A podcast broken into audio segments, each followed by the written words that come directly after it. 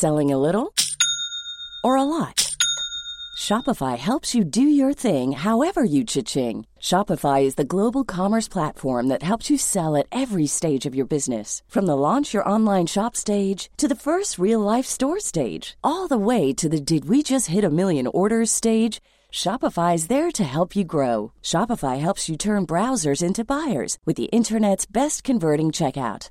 36% better on average compared to other leading commerce platforms because businesses that grow grow with Shopify. Get a $1 per month trial period at shopify.com/work. shopify.com/work. Quality sleep is essential. That's why the Sleep Number Smart Bed is designed for your ever-evolving sleep needs. Need a bed that's firmer or softer on either side? Helps you sleep at a comfortable temperature? Sleep Number Smart Beds let you individualize your comfort so you sleep better together. JD Power ranks Sleep Number number 1 in customer satisfaction with mattresses purchased in-store. And now, save 50% on the Sleep Number limited edition Smart Bed for a limited time. For JD Power 2023 award information, visit jdpower.com/awards. Only at a Sleep Number store or sleepnumber.com.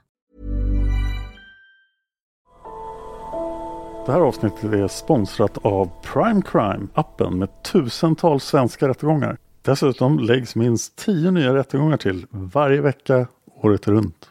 En rättegång som berörde mig det är taximordet i Enköping. En 26-årig taxichaufför som luras ut till ett naturreservat och eh, blev hängd i ett träd. Och det är fem ungdomar som döms. En 16-årig flicka och fyra unga bröder. En rättegång jag tyckte var väldigt fascinerande var föräldrar tvingade sin dotter att dricka ättika. Så otroligt galet. Prime Crime erbjuder även en tre dagars gratis provperiod. Och skulle du välja att bli prenumerant så erbjuder de antingen månadsbetalning för 99 kronor i månaden eller ett reducerat pris på två månader vid årsbetalning. Du kan avsluta när du vill. Tack Prime Crime. Tack så mycket Prime Crime.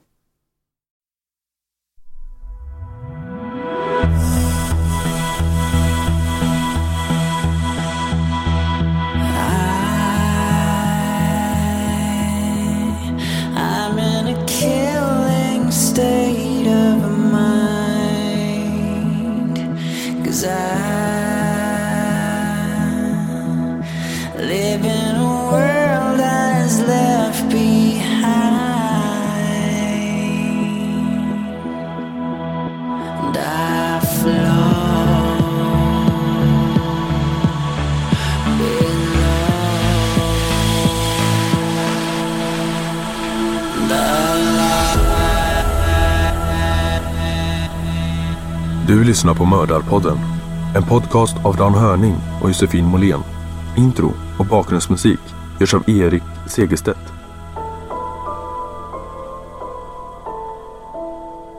Välkommen till Mördarpodden och del fyra och den sista delen av Lucky Lord Lucan. Hej Dan. Hej Josefin! Nu blir det konstigt. Alltså, Men vi ska börja med att tacka Jenny Sterner som har skrivit den här serien. ja, tack Jenny. Och Jenny gör också Krimkalendern, en podd ni borde kolla upp. Speciellt runt jul. Den är extra bra runt jul för då kommer det 24 avsnitt på 24 dagar. Precis som en adventskalender. Ja. Men även gamla jular ligger kvar så det finns massor av avsnitt. Och vi båda har varit med i den ju. Ja, Jag var med runt påsk. ja jag var med på nyår. Ehm, ja ja, det som har hänt i den här serien då är att eh, John Bingham, Lucky Lord Lucan, han är inte så lucky längre. Nu är han efterlyst och dömd i sin frånvaro för mord på familjens barnflicka Sandra och för mordförsök på sin fru Veronica. Men han är också fullständigt försvunnen. I förra avsnittet letar polisen efter honom men eh, de hittar honom inte. Och ansvarig för den här utredningen är då Roy Ransom fortfarande. Han som först trodde att John hade tagit livet av sig. Men sen ändrade han sig. Och det här är en intressant teori. Hans nya teori blev att John hade tagit sig till Sydafrika där han hade börjat ett helt nytt liv med hjälp av en ny identitet. Varför just Sydafrika? Är det för att det är lättare att få en ny identitet? Det är ju många britter som bor i Sydafrika men det borde inte vara jättelätt att skaffa sig en ny identitet där tycker man. Nej. Men vi vet inte riktigt vad Ransom baserar det här på heller. Men han tänkte att om John hade begått självmord så borde de ha hittat hans kropp vid det här laget. För det hade genomförts ganska omfattande sökinsatser. Och det tycker jag också låter konstigt för att om man hoppar i Engelska kanalen då kan man ju spolas både hit och dit och genomsöka hela Engelska kanalen verkar ju väldigt komplicerat. Eh, ja, det var min tanke också. Det här var ju uppe eh, samma fråga i våra avsnitt om Sven Sjögren i Olösta mord. Och hade Sven försvunnit i havet då var det i princip omöjligt. Det hade genomförts lite dykningar och så här, men man insåg hur komplicerat det var att hitta en kropp i havet. Många av Johns vänner trodde också först på självmordsteorin. Det var nämligen lite typiskt en engelsk lord att göra citat det enda hedervärda och ta sitt liv nu när hans namn hade vanärats. Så nu kunde han rädda då ätten Lukans ära genom att ta livet av sig. En vän framförde teorin att John hade kört ut med motorbåt i Engelska kanalen, knutit en sten runt kroppen och sen hoppat i havet. Och även eh, Veronica verkar övertygad om att John hade tagit livet av sig. Eh, och det gjorde även Johns mamma, Lady Lucan. Lady Lucan blev intervjuad i en tidning och då gjorde hon ett lite konstigt uttalande. För ändå hon sitter ju fortfarande på massa pengar.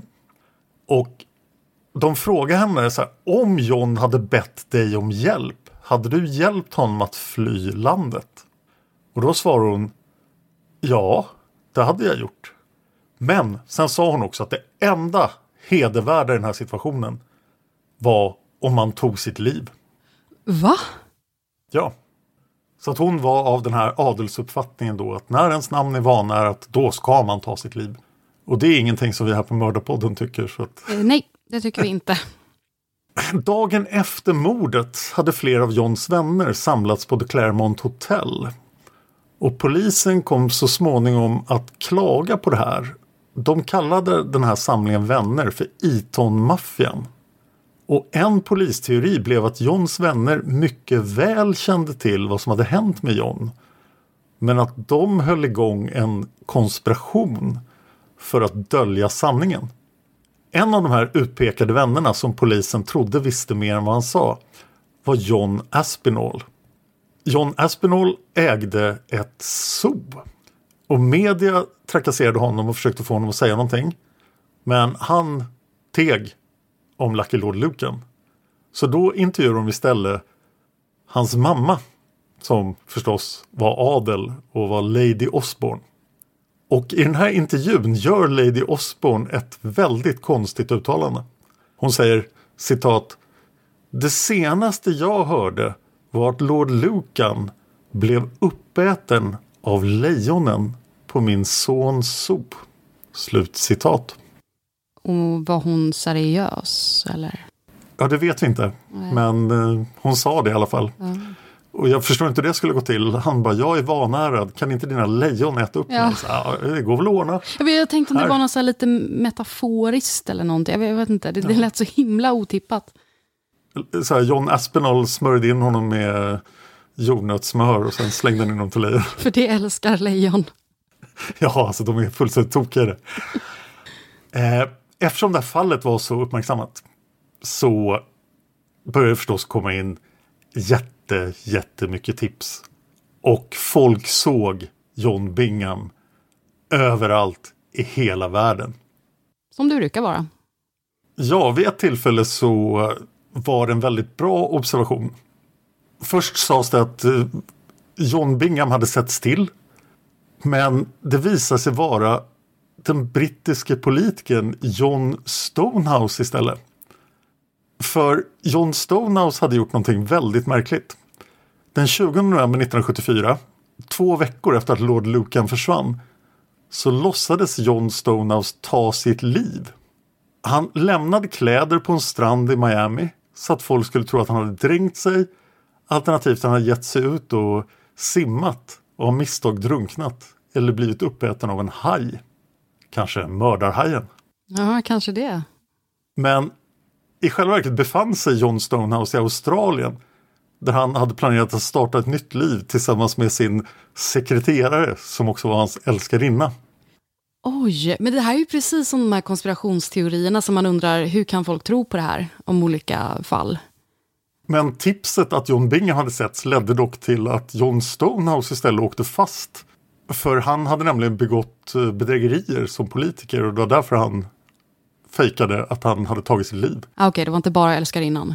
Nej, och det kom dessutom fram att han hade varit spion i kalla kriget och han hade jobbat för Tjeckoslovakiens underrättelsetjänst i 15 år. Aj då.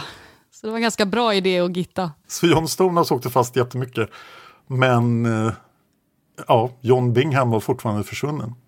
Och det kommer in så jättemycket tips om John Bingham så att vi, vi kommer bara ta upp de mest intressanta här. Åtta år efter Johns försvinnande, alltså 1982, hävdade en man som hette John Miller att han hade fångat in Lord Lucan.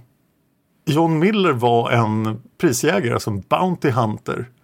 Och han var känd för han hade tagit fast tågrånaren Ronnie Biggs. Men eftersom England inte har något lagstöd för Bounty Hunters så han tillfångatog den här tågrånaren och sen blev han åtalad för kidnappning.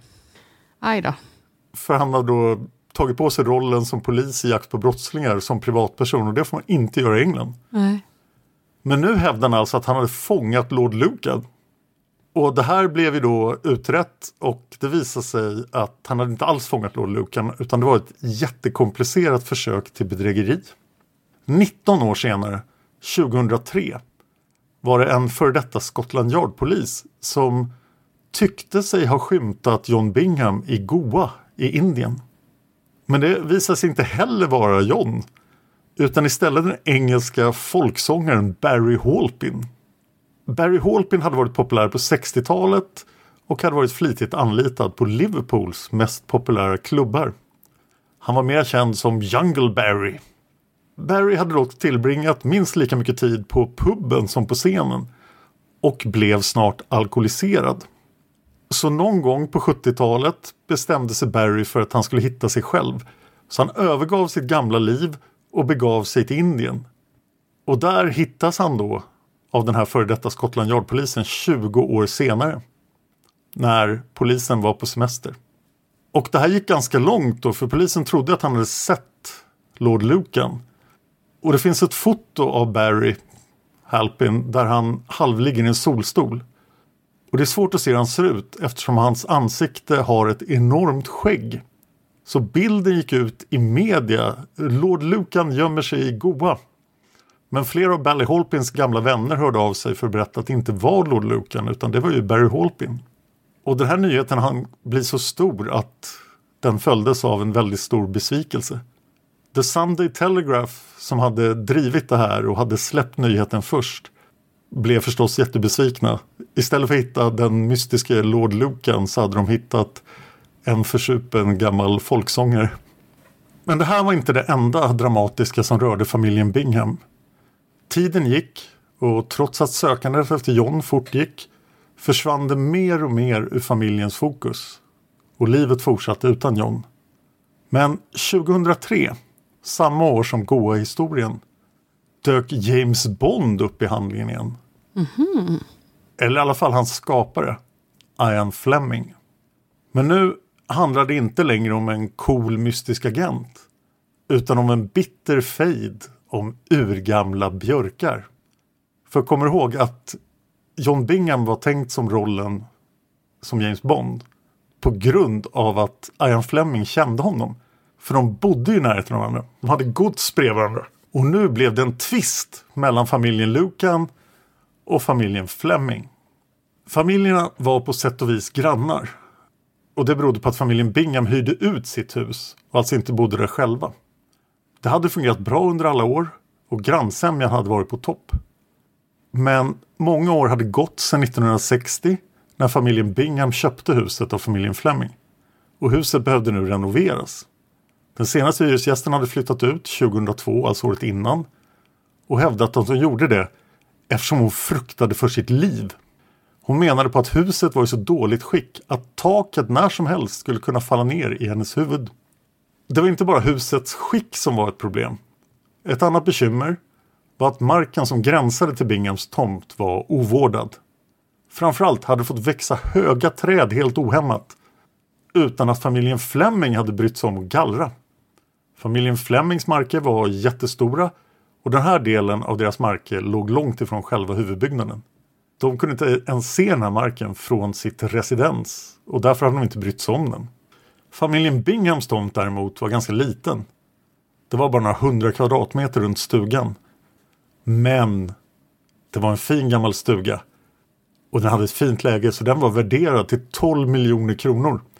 Men de här höga träden hade förstört utsikten och dragit ner värdet på den ganska förfallna stugan. Så Victor Bingham som var Johns kusin tog den här saken i egna händer. Han anlitade några trädfällare och sågade ner flera av björkarna. Men det skulle han inte ha gjort.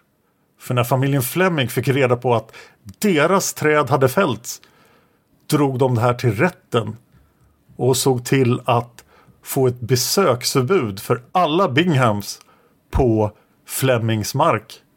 Så att inga träd mer skulle fällas. Dessutom blev det en eh, stämningsprocess och den slutade med att eh, familjen Bingham fick betala ungefär 100 000 kronor idag. Men de hade bestridit det här så dessutom åkte de på att betala ytterligare 2,5 miljoner i rättegångskostnader. Oj, oj, oj, oj. Victor Bingham sa i rätten att det här var en katastrof. De skulle renovera stugan. Men nu gick ju alla renoveringspengarna till att betala skadestånd och rättegångskostnader. Ja, men det borde han väl tänkt på innan han högg ner träd på någon annans tomt. Det kan man tycka. Den här sidohistorien slutar med att stugan säljs till en okänd köpare för 642 000 pund. Nu var ju träden borta i alla fall så utsikten var ju bättre. Ja. Jakten på Lucky Lord Lucan fortsatte. Trots att det alltså nu har gått 20 år. Susan Maxwell Scott var alltså kvinnan som var den sista personen som såg John i livet. Det var ju hon som var i huset då när han skrev sina brev hemma hos henne. Och hon berättade 2006 att hon var övertygad om att John hade fått hjälp att lämna Storbritannien av ljusskygga lånehajar. Ockrar, alltså folk som ger lån till oskäliga räntor till folk som inte kan få lån av andra. Men lånehajarna hade sen ångrat sig och insåg att de hjälpte John att smita från ett mordåtal. Och då skulle de kunna bli medskyldiga och hamna i fängelse och inte kunna fortsätta låna ut pengar till höga räntor. Och därför hade de här lånehajarna dödat John Bingham och begravt honom någonstans i Schweiz. För jag antar att det är ett populärt ställe att hålla till på för lånehajar. Lite långsökt. Ja, oklart vad hon baserar det här på, men det var hennes teori.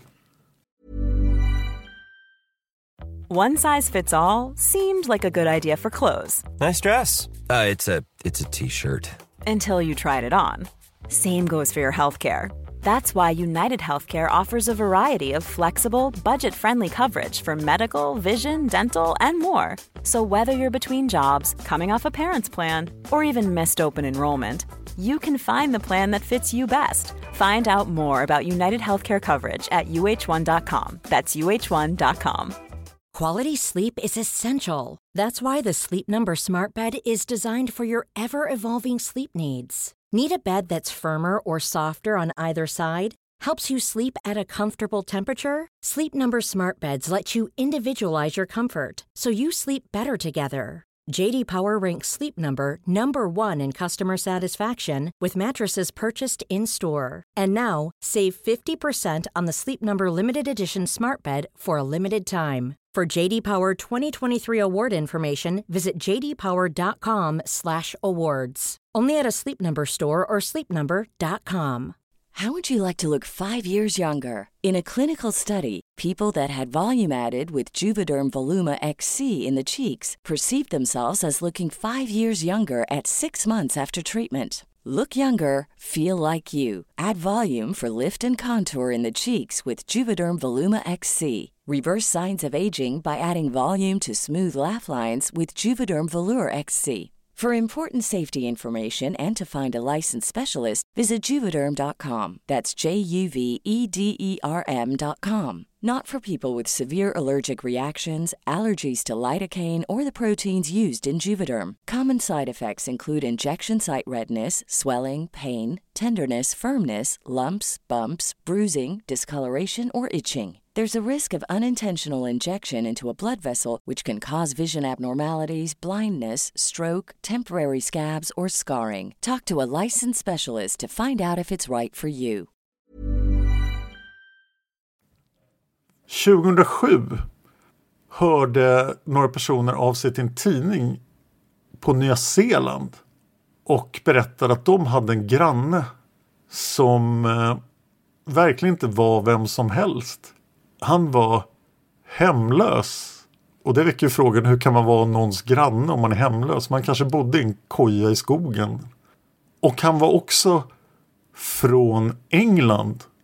Och nu har de kommit fram till att den här hemlösa mannen som bodde granne med dem var Lucky Lord Lucan. Och de hade pratat med honom om det här. Och han hade berättat att ja, ni kom på mig, jag är John Bingham. Så efter 20 år och hållit sig borta och bara, äh, ni kom på mig. Ja, han kanske var trött på att bo där i skogen. Ja, bland björkarna. Så Nya Zeelandspolisen fick vackert på order av polisen i England eh, söka upp den här stackars hemlösa mannen där han bodde i sin koja eller under ett träd. Och de upptäckte att han var en helt annan person. Så det var ingen lösning där heller.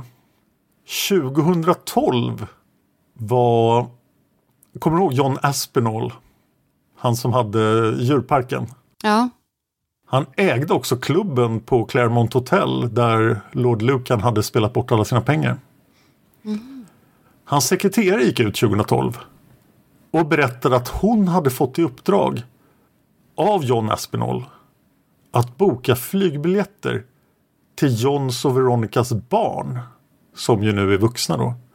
Fast det här hade hänt någon gång mellan 79 och 81. Flygbiljetterna var till Kenya och Gabon i Afrika. Och när de frågade varför ska vi boka biljetter till Johns och Veronicas barn?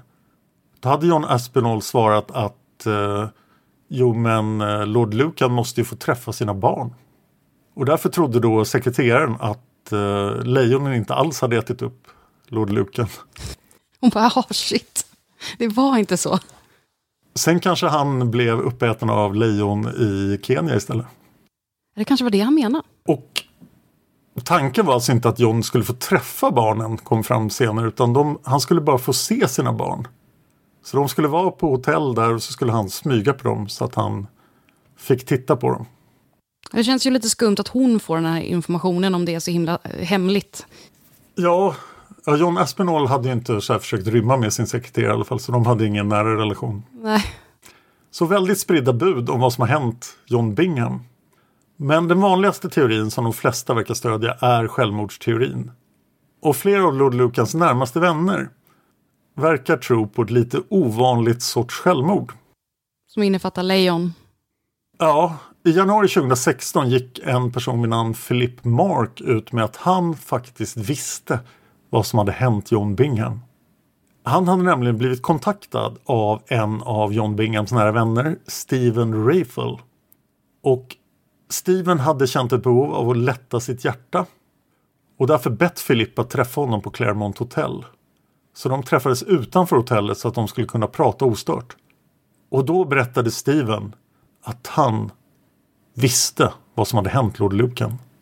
John hade tagit sitt liv och det var Steven 100% säker på. För han hade nämligen varit med när det hände. Det här hade han berättat för Philip Mark i förtroende. Men eh, Philip kunde alltså inte hålla tyst 2016. För han kände att världen och Lord Lucans barn förtjänar att få veta vad som hade hänt honom. Philip Mark själv var också en av Johns närmaste vänner. Båda hade spelat backgammon med honom, alltså både Philip och Steven. Och Stevens fru var dessutom gudmor till ett av barnen. Och det Steven berättade för Philip var en fasansfull historia men också en berättelse om mod, hävdade Philip. Enligt Steven hade John Bingham någon gång under natten efter mordet kontaktat sin vän John Aspinall, han med zooet och klubben. Och Sot låg alltså i närheten av Canterbury. Samtidigt som Lord Lucan satte sig i bilen och körde mot Canterbury ringde John Aspinall runt några av Lord Lucans vänner och bad dem också att köra mot Canterbury. Tidigt på morgonen 8 november 1974 hade alla, inklusive Lord Lucan, kommit fram till Canterbury och John Aspinalls djurpark. De pratade om saken. Vad skulle Lord Lucan göra nu? Hans vänner sa till honom att vad som än hände skulle han förlora kontakten med sina barn och Veronica skulle nu få vårdnaden om dem för alltid. Han skulle hamna i fängelse och han skulle bli en stor vanära för sin familj. Att Veronica skulle få vårdnaden skulle även innebära att hon skulle få hantera barnens fonder. Och hon skulle alltså kunna leva på Johns pengar och göra nästan vad hon ville med dem. Enligt vännerna då. Så vännerna kom fram till att den bästa lösningen var att Lord Lucan försvann. Och han kunde inte ta sitt liv på ett sätt där hans kropp skulle hittas för då skulle han dödförklaras. Och eftersom barnen ännu inte var myndiga skulle Veronica få kontrollen över alla pengar. Så ett alternativ var förstås att försvinna utomlands. Men det var också väldigt riskabelt. Och hur skulle han kunna försörja sig i utlandet? Så det vännerna kom fram till var att det bästa var nog ändå att Lord Lucan tog sitt eget liv. Men det måste vara på ett sätt som inte lämnar något spår. Den juridiska följden av det skulle bli att minst sju år behövde gå innan han kunde dödförklaras. Och då skulle barnen nästan vara gamla nog för att ta hand om sina egna pengar. Det äldsta barnet skulle då ha fyllt 17. Det är nu de skrapar fram 20 000 liter svavelsyra. Ja, det kanske hade fungerat. Ja, Nej, någon lägger fram en pistol framför Lord Lucan som tog upp den och gick in i ett rum i enskildhet. Och bara några sekunder senare hördes ett skott och Lord Lucan var död. Sen tog vännerna hans kropp och bar den till ett lejon som hette Sora. Sora var ett jättehungrigt lejon och snart fanns det inga spår kvar av Lucky Lord Lucan. smetar de in honom med jordnötssmör också? Nej, det finns inga uppgifter om det här. Nej. När den här historien kom ut så tillfrågades John Aspinall om trovärdigheten i det här. Och han förnekar förstås att det här har hänt. Men han svarade citat Mina lejon är kräsna. De äter inte vad som helst. De skulle inte ens vilja tugga på Lord Lucas sega kött. Slutcitat. Han blev liksom förnärmad för lejonens eh, räkning. Vad tror ni jag har för hungriga lejon? Så George, eh, John och Vic- eh, Veronicas son växte upp. Men han kunde inte ärva sin fars titel. Vilket hans farmor då ville att han skulle göra. Men så länge Lord Lucan inte var officiellt dödförklarad kunde George inte bli lord. Men det fanns en annan fördel för familjen om John inte blev dödförklarad. För om han blev det så skulle nämligen alla Lord Lucans skulder kunna drivas in av familjen. Och då kunde inte barnen gå de utbildningar de ville gå. Så han vara, är fortfarande inte dödförklarad då. kan det vara en anledning till att han inte heller ville bli eh, eh, dödförklarad? Alltså om vi nu tänker att, att han har tänkt lite på att inte bara ta sitt liv hejvilt, utan eh, att han vill att kroppen ska inte gå att finna. För att han tänker på sina barn. Det verkar ha spelat in helt klart. Det kan ha varit en anledning till att han försvann så totalt. Mm, för det behöver ju inte vara att han inte vill att, att Veronica ska få, få alla pengar. För det verkar ju också som att det här var ett eh, vredesmord som, och att han sen blev chockad över vad tusan hände och eh, kanske inte var helt mordlysten på Veronica ändå efteråt. Fast det verkar som att han räddade Veronicas ekonomi genom att försvinna. För att hon hade också blivit inblandad i att betala alla hans skulder. Ja, men det är det jag menar. Ja, men så att i och med att han inte hittades så slapp hon betala skulderna. Mm. För han inte dödförklarade. Så vet man inte ens om man har tänkt. Det här är ju bara spekulationer. 1999 fick eh, Johns barn ärva honom. Och, men George fick fortfarande inte ta över titeln. Så han fick inte bli Lord Lucan. För John var inte dödförklarad. 2013 kom en ny lag i Storbritannien. Vännerna hade sagt att det skulle ta minst sju år att dödförklara honom. Men han var fortfarande inte dödförklarad 2013. Den här nya lagen heter Presumption of Death Act. Och den ändrade reglerna när det gällde att få folk dödförklarade. Så när den här lagen hade trätt i kraft ansökte George igen om att få ta över titeln som Lord Lucan med stöd av den nya lagen. Det tog tre år. Och till slut 2016, 42 år efter försvinnandet, blev John dödförklarad. Och George kunde till slut bli Lord Lucan. Förutom ett schysst namn, var det något annat han fick då när han blev Lord Lucan? Alltså var det arv eller var det... Ja, det verkar ha funnits tillgångar. Ja. Så det kanske var något jätteavancerat här. Att de skyddade sig från skulderna. Men lyckades ändå ärva saker. Mm. 2017 var Veronica 83 år gammal. Och då tog hon sitt liv. Med lugnande tabletter och alkohol. Och oklart varför. Man vet inte alls varför. Nej. Och om det var på grund av Lord Lucans försvinnande och det som hade hänt så borde det ju kanske ha hänt tidigare. Ja, det låter lite långsökt. Tänker man. Det här är alltså 43 år efter försvinnandet. Ja. Kan det ha varit en olycka då, eller var det... Det låter ju som en konstig olycka att man tar en massa lugnande tabletter och dricker alkohol.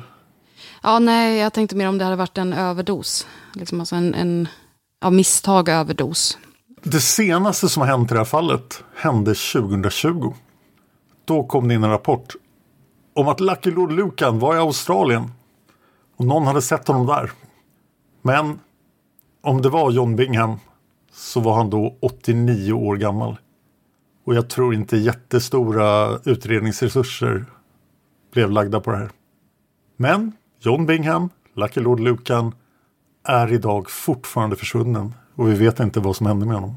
Jag lyssnade på en podd där de, det var en kille som hade, alltså han gjorde en podd och han har gjort massor av avsnitt. Men han hade vuxit upp precis i den här fiskebyn. Där bilen hittades. Och han var helt övertygad om att Lord Lucan hade haft en båt där och gett sig av med den. Kanske för att ta livet av sig i Engelska kanalen. Men kanske för att fly till ett annat land. Och vi får ju komma ihåg att det här var 1974 och då lämnade man ju inte efter sig de spår man skulle lämna efter sig idag när allting är digitalt. Utan det förefaller för mig högst möjligt att försvinna, speciellt om man hade gjort någon form av förberedelse för det. Men han hade också massor av kontakter. Så han kan mycket väl ha fått hjälp. Trist om hans vänners enda hjälp till honom var att eh, han blev uppäten av ett lejon. Ja. Men alltså, jag tänker också att han är väldigt impulsiv och han har det här i sig att han... Eh, jag tänker också med spelmissbruket och, och också det här mordet och mordförsöket. Att han, eh, han har inte... Han har väldigt mycket känslor som är väldigt, väldigt starka och eh, har svårt att hantera dem. Så vad tror du hände? Ja, men det är då jag tänker att det kanske är så att han har hållit sig undan ett tag, men inte i så här många år. Och att han eh, nog har tagit livet av sig, tänker jag. Och vad tror ni lyssnare hände? Det får ni hemskt gärna berätta för oss. Ni kan mejla er vad ni tror hände till eh, simwaypodcast.gmail.com Simway med Z. Ja. Speciellt om ni tror på lejonteorin. Utveckla den lite. Eller om ni har en ny teori. Ja. Men eh, då får väl jag sluta med att tro att han faktiskt levde ut sitt liv någonstans i hemlighet. Vid Tror du? någon eh, bungalow någonstans så hade det mysigt. Jag tror det på riktigt. Ja, men jag, om någon skulle klara av det här så tror jag det skulle vara han. Oj. Och jag tänker om någon skulle klara av det här så är det definitivt inte honom. För att han är... Alltså, han har ju alltid eh, varit väldigt mycket för det här rika livet och... Ja, alltså visst att han varit äventyrlig och, och, och rest mycket och sådär, men han har ju alltid haft resurser för saker som han har gjort. Han är inte sån som som är sparsam eller... Eh, Nej, men jag bara, det bara känns som att han är väldigt impulsiv och... eh, Men ja, visst, han kanske har fått en rejäl, rejäl chock över vad som hände och ändrat sitt liv totalt. Ja, jag tror inte man ska underskatta värdet av att ha massor av kontakter med mäktiga människor. Nej, nej det förstås. Jag tänker mer om man hade klarat av det rent psykiskt. Och det här har ju varit ett mysterium som jag har velat göra i podden väldigt länge. Ja. Så jag är glad att vi kunde göra det. För det är så ovanligt. Det är ett mord och sen försvinner gärningsmannen. Och så är han den här extravaganta engelska adelsmannen. Finns det någon information om hur eh, Veronica och eh, Johns mamma, hur deras kontakt var efteråt? Nej, det vet jag ingenting om tyvärr. Och Veronica, alltså, hade hon ett relativt okej liv efteråt? Eller var det, det, det finns ingen information om hur hon... Ja, det verkar ju som att hennes ekonomi blev ganska bra på grund av det här. Och att skulderna blev avskrivna. Det mesta av skulderna blev avskrivna. Så jag tror nog att hon hade det ganska bra. Kanske ingick i den där nya lagen, eh, arvslagen. Möjligtvis. Men det verkar ju som att just det faktum att han inte blev dödförklarad eh, fungerade till, till Veronica och familjen Binghams eh, fördel. Men nu är det alltså George som är Lord Lucan. Och han har så vitt jag vet inte gjort någonting konstigt. That's the sound of another sale on Shopify in store. Shopify POS is everything you need to sell in person. From payments to inventory, Shopify unites your sales into one commerce platform. Sign up for a $1 per month trial period at shopify.com slash retail23. Shopify.com slash retail23. Ja, det har varit en spännande resa det här. Olöst och löst. Ja, vi lovar att nästa fall blir löst. Ja, Jo, nej just det. Nej, det kanske, ja, det kanske är lite, lite konstigt det också. jag. Det är nog lite konstigt får jag säga. Ja, men det får ni inte höra för nästa vecka. Nej, så är det. Vill du stötta oss på Patreon så blir vi jätte, jätteglada. Du går in på patreon.com och söker på Mördarpodden. Och där kan du välja att donera en valfri summa per avsnitt som vi gör. Och gör vi inga avsnitt så dras det inga pengar. Nu finns det ju faktiskt lite extra material på Patreon också för de som är sponsorer. Än så länge är det bara ett enda utläggning. Men det Om kommer bli Tobias och fler, får vi verkligen hoppas. Men tanken är att lägga upp lite extra material när vi spelar in för mycket på Patreon. Så hamnar det där. Följ, Följ oss på Instagram. Följ oss på Instagram. Ja, Mordapodden. Ja, och Dan Horning Ja, följ mig på Instagram. och J. Molén. Följ Josefin på Instagram. Ja. Och så Följ ses vi. Krimkalendern på Instagram. Ja, krimkalendern. Jenny glad. Tack för det här fallet. Mot nästa fall. Mot nästa fall. Vi ses i nästa avsnitt.